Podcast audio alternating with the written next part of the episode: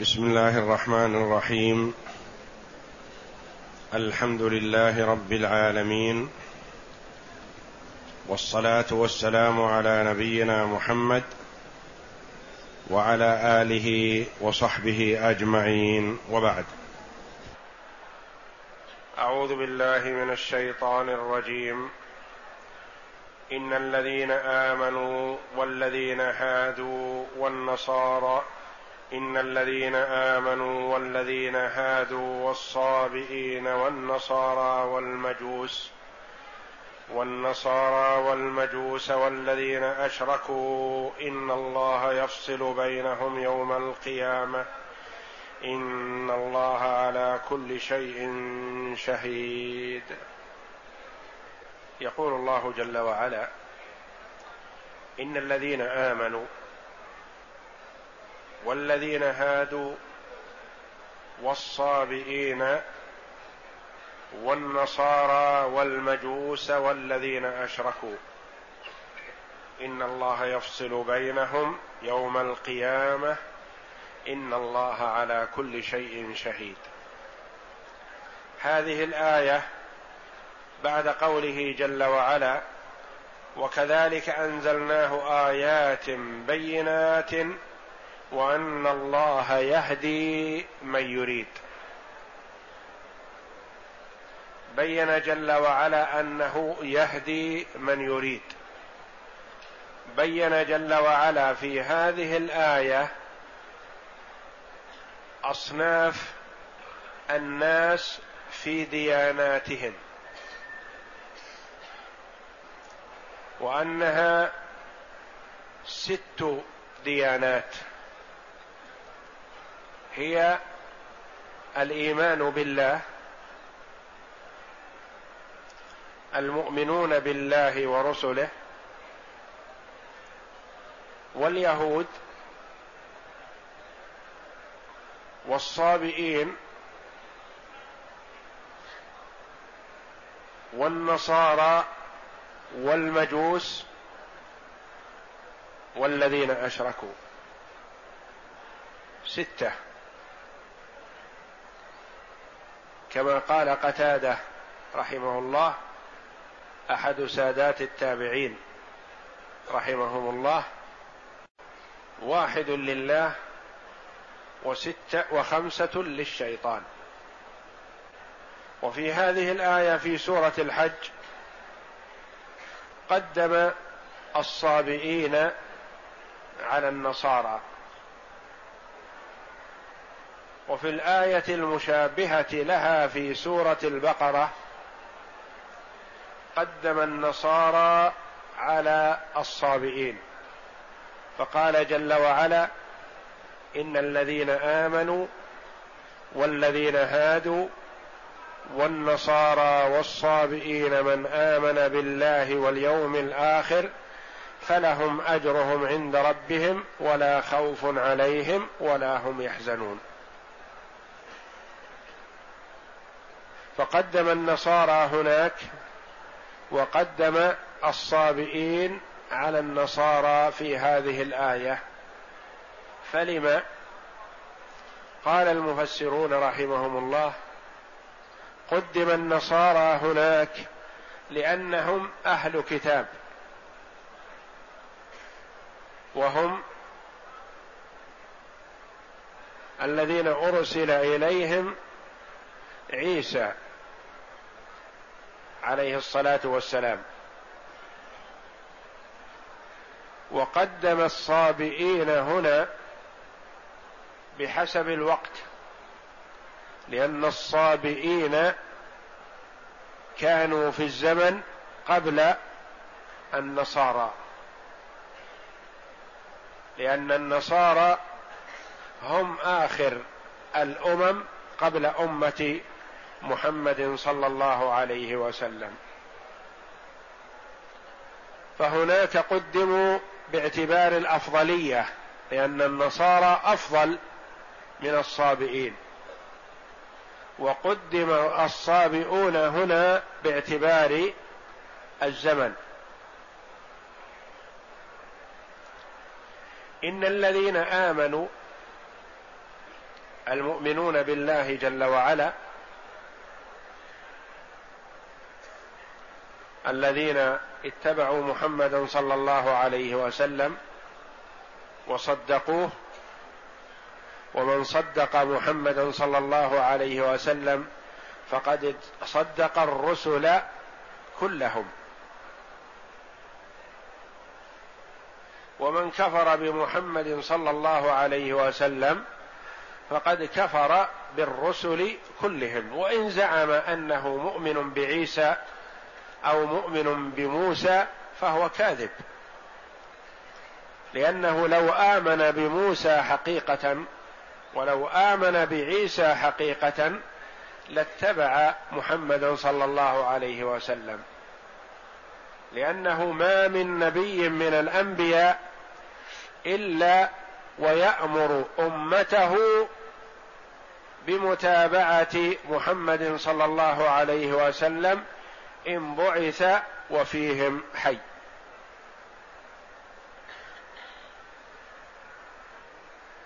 فالمؤمن بمحمد صلى الله عليه وسلم مؤمن بالأنبياء كلهم والكافر بمحمد صلى الله عليه وسلم كافر بالأنبياء كلهم. إن الذين آمنوا وعرفنا فيما تقدم الإيمان أنه قول واعتقاد وعمل وأنه إذا قرن الإيمان بالعمل الصالح فيراد بالإيمان عمل القلب ويراد بالعمل الصالح عمل الجوارح. وإذا ذكر الإيمان وحده شمل الإيمان والعمل الصالح. إن الذين آمنوا اعتقدوا بقلوبهم ونطقوا بألسنتهم بشهادة التوحيد لله جل وعلا والمتابعة للنبي صلى الله عليه وسلم وعملوا بجوارحهم الصلاة والصيام والزكاة والحج وبر الوالدين وصلة الأرحام والإحسان إلى من يحتاج إلى ذلك.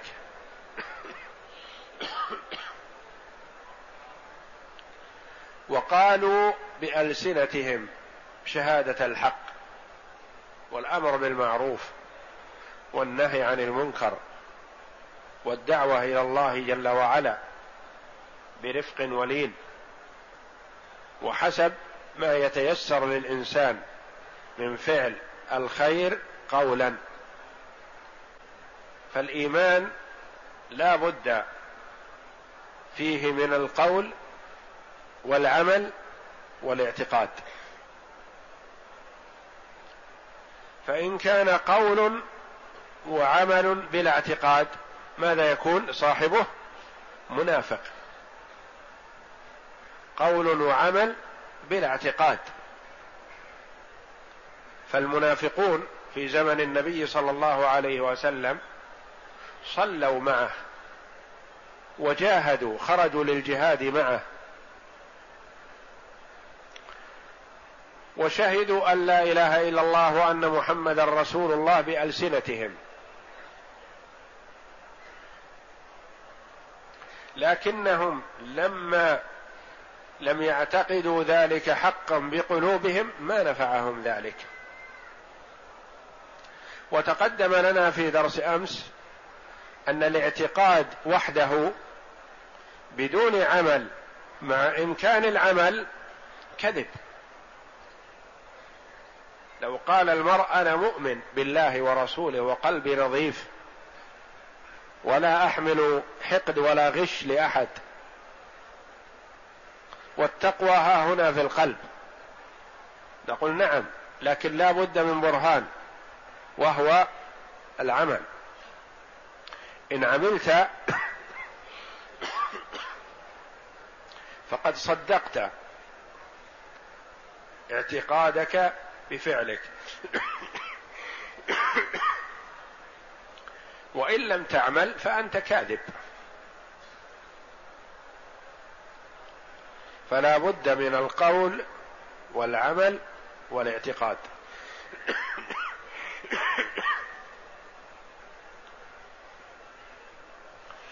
ولا بد من المتابعة للنبي صلى الله عليه وسلم. أما قول المرء أشهد أن محمدا رسول الله وهو غير متابع فهذا كاذب في شهادته. لأن مقتضى الشهادة المتابعة.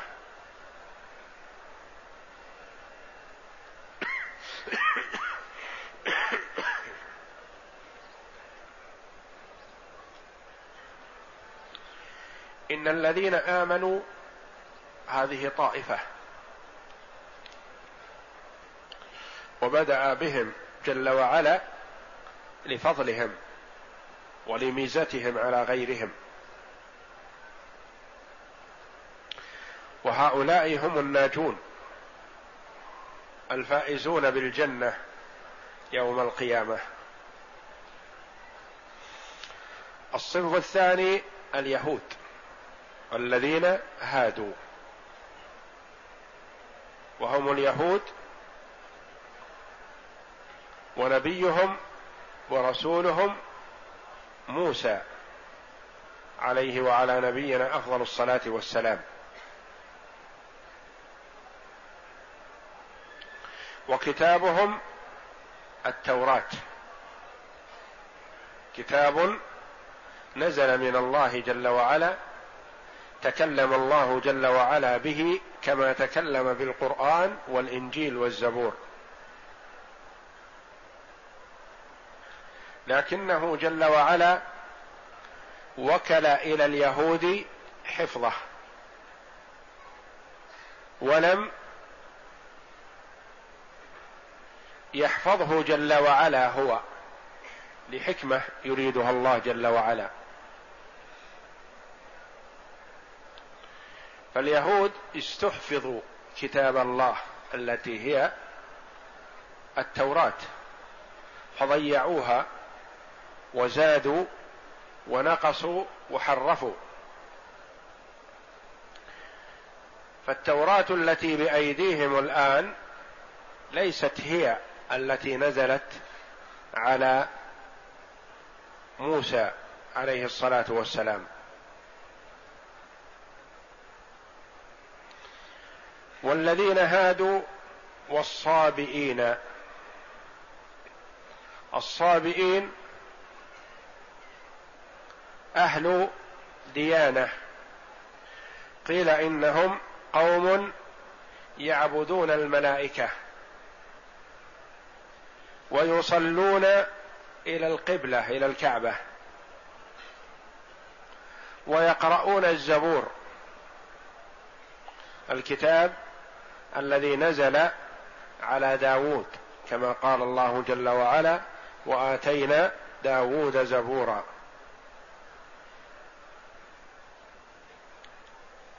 هذا قول لبعض المفسرين رحمهم الله بأنهم قوم يعبدون الملائكة ويصلون للقبلة ويقرؤون الزبور.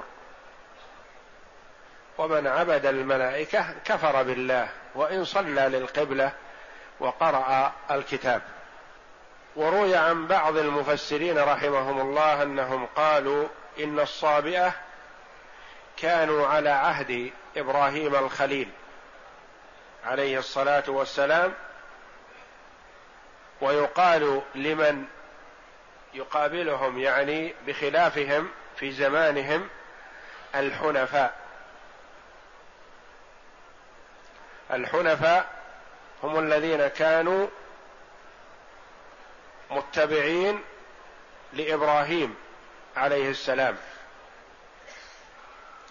والصابئة الذين خالفوه. وهم يعظمون النجوم ويعبدونها.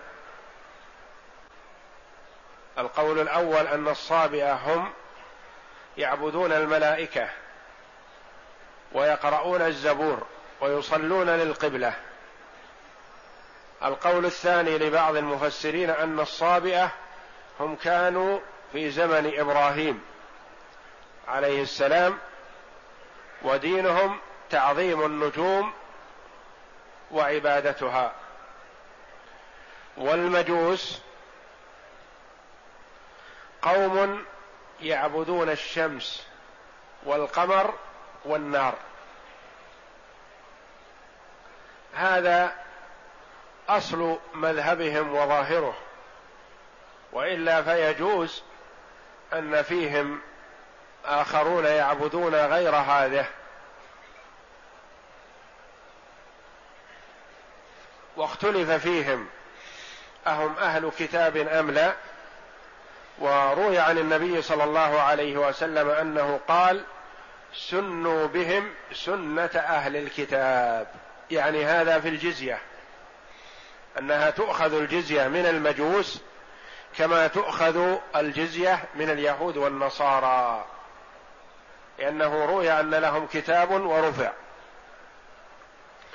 سنوا بهم هذا في باب الجزية. وأما في باب الزواج فلا يتزوج منهم كما يتزوج من أهل الكتاب ولا تحل ذبائحهم كما تحل ذبائح أهل الكتاب. والذين أشركوا وهم عباد الأوثان الذين عبدوا الأصنام. اذا فالأديان كما قال قتادة رحمه الله ستة. خمسة للشيطان وواحد للرحمن أي لله جل وعلا وهم المؤمنون.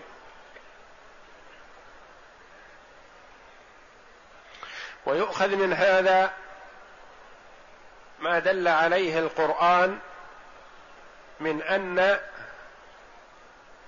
الضالين عن الصراط المستقيم أكثر. ممن تمسك بالصراط المستقيم. كما قال الله جل وعلا وإن تطع أكثر من في الأرض يضلوك عن سبيل الله.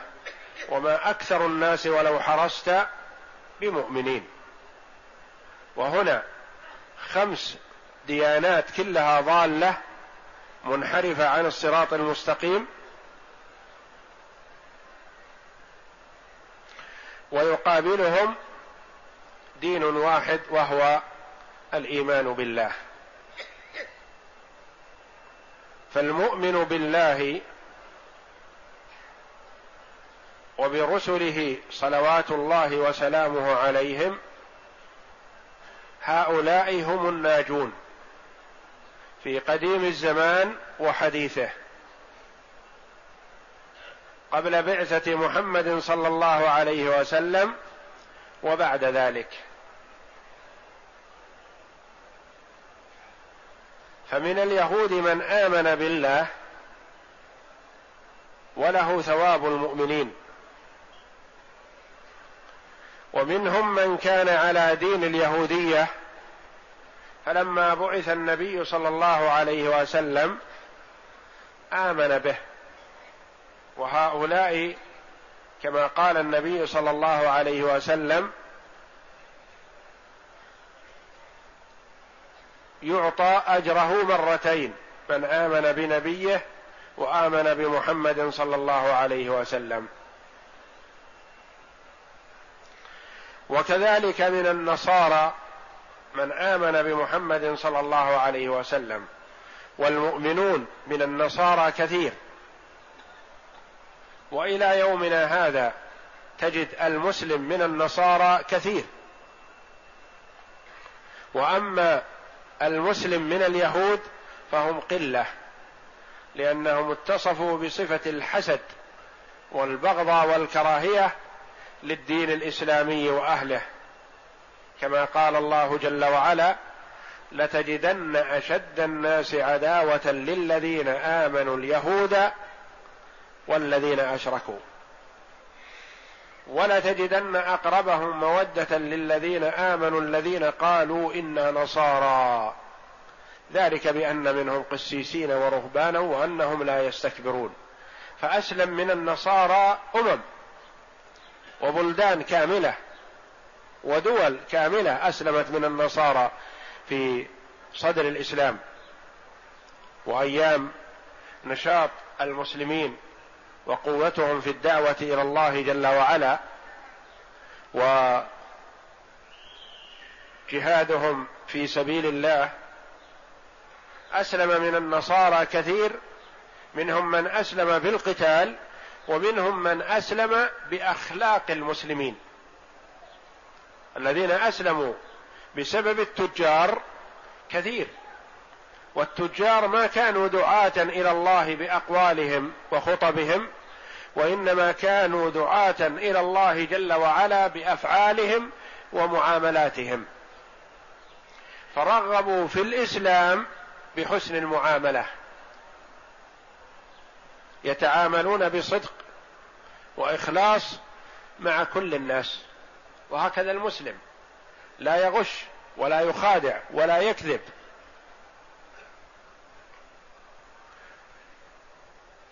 فمن اتصف بهذه الصفات وخالط الكفار بهذه الصفات الحسنة فقد دعا إلى الإيمان بالله ورسوله بفعله قبل قوله.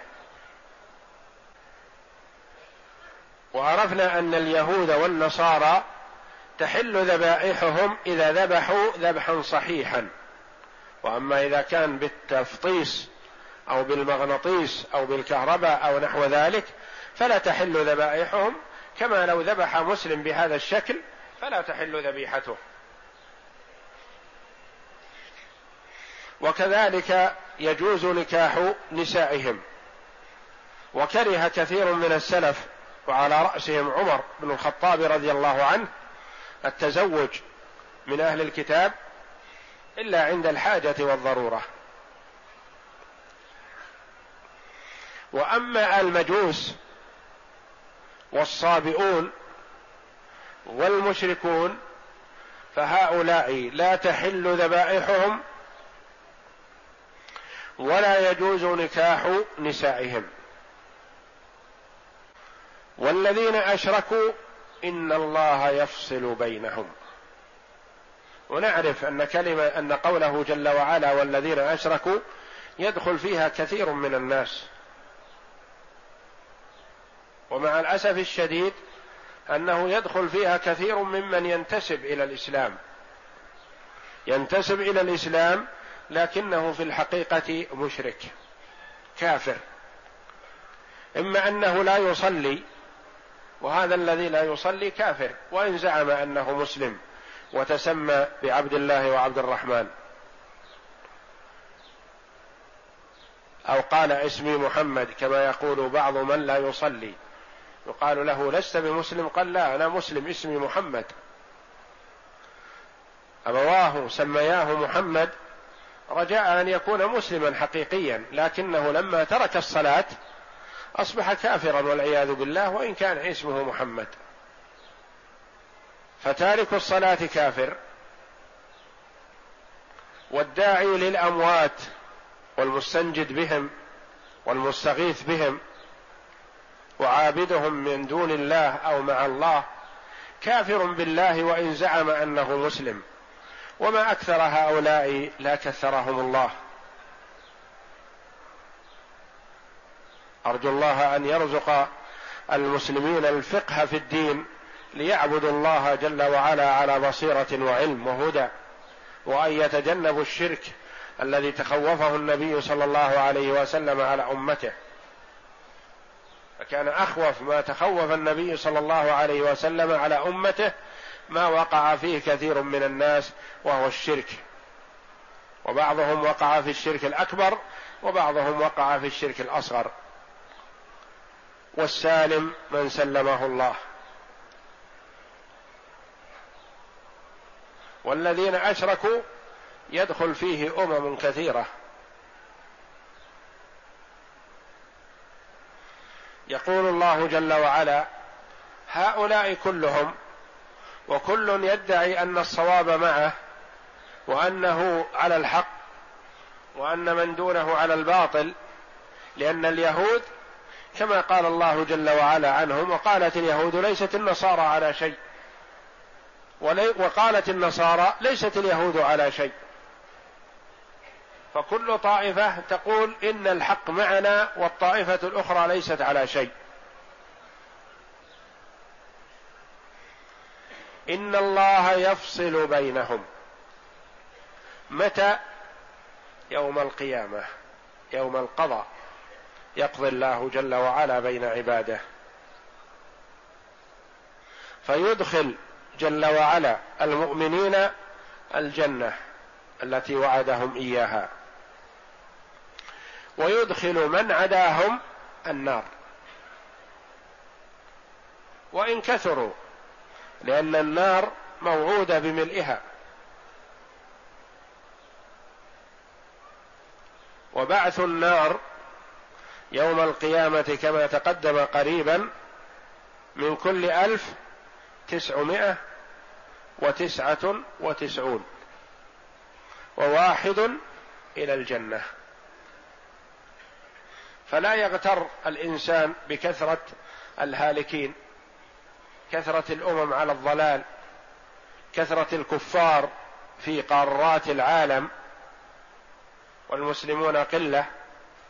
نعم المسلمون قلة في من بعثة الرسول صلى الله عليه وسلم إلى يومنا هذا إلى أن يرث الله الأرض ومن عليها. وكما قال عليه الصلاة والسلام ما أنتم في الأمم إلا كالشعرة البيضاء في جلد الثور الأسود أو كالشعرة السوداء في جلد الثور الأبيض. فالمسلمون قليل بالنسبة للأمم والهالكون كثير فلا يغتر بهم المرء. لا يقول كيف يكون هؤلاء كلهم على الضلال. وقلة من المسلمين على الحق نقول نعم هذه سنة الله في خلقه. إن الله يفصل بينهم يوم القيامة. إن الله على كل شيء شهيد. ففصله جل وعلا بين عباده بين خلقه مبني على اطلاع وعلى مشاهدة لأن الله جل وعلا يرى أعمالهم. يرى أعمال عباده فيحصيها لهم.